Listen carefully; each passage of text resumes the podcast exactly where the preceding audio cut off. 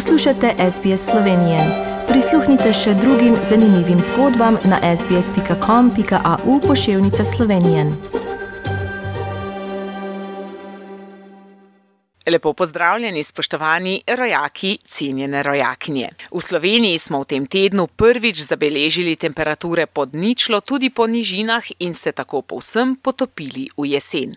Aktualno dogajanje pa se pri nas še vedno vrti okoli COVID-19 ter z njim povezanimi protesti in ukrepi, politiko, ki se počasi pripravlja na nove volitve, in pa na podražitve energentov in višanje vseh življenjskih stroškov. Pa poglejmo podrobnosti. Po zadnjem dnevu in testiranih s PCR testi so v Sloveniji potrdili 1081 okužb z novim koronavirusom, kar je dobrih 20 odstotkov vseh testov. V bolnišnici se zaradi koronavirusne bolezni zdravi 406 bolnikov, najmlajši je star 30 let. 117 jih potrebuje intenzivno nego, od teh bolnikov je najmlajši star 35 let. Vsak dan nekaj bolnikov tudi umre. Trenutno število aktivnih okužb v Sloveniji pa je po ocenah NIEZ-ja 11.578. Ukrepi zaradi varnosti pred COVID-om ostajajo že od začetka septembra bolj ali manj enaki. Odprte so šole, vrtci in univerze, podjetja normalno poslujejo, gostinski lokali obratujejo, le gostje morajo izpolnjevati pogoj PCT. To velja tudi za vstop na vse prireditve, v knjižnice in vse zaprte prostore, prav tako na večje prireditve zunaj, kjer se zbere več kot 50 ljudi. Strokovne službe in vodstvo vlade še vedno pozivajo k doslednemu upoštevanju ukrepov, hkrati pa ljudi pozivajo k cepljenju. Polno cepljenih proti COVID-19 je trenutno milijon in 55 tisoč ali polovica vseh prebivalcev Slovenije. Največ 679 tisoč 551 ljudi je polno cepljenih cepivom proizvajalcev Pfizer in BioNTech. Ob tem smo v tem tednu spremljali tudi podatke o obravnavi rakavih bolnikov v času epidemije.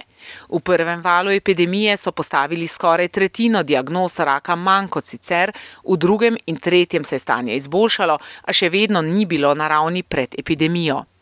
Kljub temu, da si normalnega življenja brez zajezitve epidemije s cepljenjem sploh ni več mogoče predstavljati, pa se na ljubljanskih ulicah vsako sredo odvijajo protesti.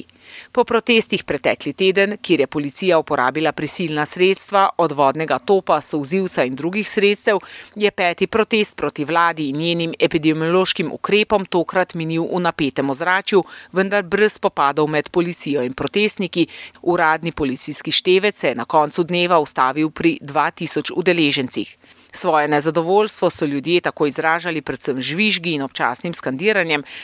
Območje, ki je bilo prejšnji teden zaradi vrha EU Zahodni Balkan ograjeno, je bilo tokrat prehodno. Policija tokrat ni uporabila vodnega topa ali souzivca, po nekaj posredovanjih nad razgretimi protestniki pa jih je precej tudi pridržala. Veliko pozornosti je te dni usmerjene tudi v podražitve energentov na svetovnem trgu in posledično vseh ostalih življenjskih dobrin tudi v Sloveniji. Največja slovenska energetska družba Petrol bo 1. decembra občutno zvišala cene elektrike in zemeljskega plina. Cene električne energije bodo više za okoli 30 odstotkov, zemeljskega plina pa za 12. Med razlogi za nastalo situacijo izpostavljajo lansko relativno mrzlo in dolgo zimo, ki je izpraznila zaloge plina po Evropi. Podražitve pa si bodo sledile tudi na drugih področjih. Poleg dražjih nepremičnin se draži tudi hrana. Meso se bo na trgovskih policah kmalo občutno podražilo, saj so se podražile vse surovine za proizvodnjo mesa, kot je koruza, ki je dražja za 50 do 70 odstotkov, embalaža, energija in delovna sila. Goveje, svinsko in piščančje meso naj bi se tako podražilo za 10 do 15 odstotkov. Pogajanja o dvigu cen s trgovci še potekajo, del stroškov naj bi prevzeli tudi trgovci, da podražitve ne bodo še večje. Nekoliko bolj vesele novice pa prihajajo z ljubljanskega letališča. Kljub še vedno strogim potovalnim omejitvam zaradi pandemije se ponudba letov povečuje, zadovoljno ugotavljajo na Brniku. Z letališča Jožeta Pučnika bo tako v prihodnih mesecih s 13 rednimi letalskimi prevozniki mogoče potovati na 14 destinacij v 12 državah. V septembru so na osrednjem slovenskem letališču našteli 65 tisoč potnikov, kar je dvakrat več kot v enakem obdobju lani. V Portorožu so s podelitvijo Badjurove nagrade Emiliji Soklič in projekcijo filma Inventura režiserja Darka Sinka slovesno odprli 24. festival slovenskega filma. Govorci so ob tem izpostavili tako razcvet slovenske filmske produkcije kot finančne težave slovenskega filma. Direktorica Slovenskega filmskega centra Nataša Bučar je ocenila, da je leto 2021 za slovenski film lepo leto. Na festivalu je kar pet celovečernih igranih filmov, ki jih je sofinanciral Filmski center. Slovenska vrhunska kolesarja Primoš Roglič in Tadej Pogačar, kot branilec naslova zmagovalca najzahtevnejše kolesarske preizkušnje na svetu, pa z zanimanjem spremljata razkritje 109. etape izvedbe kolesarske dirke po Franciji leta 2022. Prve nizke temperature, ki napovedujejo zimo, pa so tudi dober obet za prihajajočo smučarsko sezono.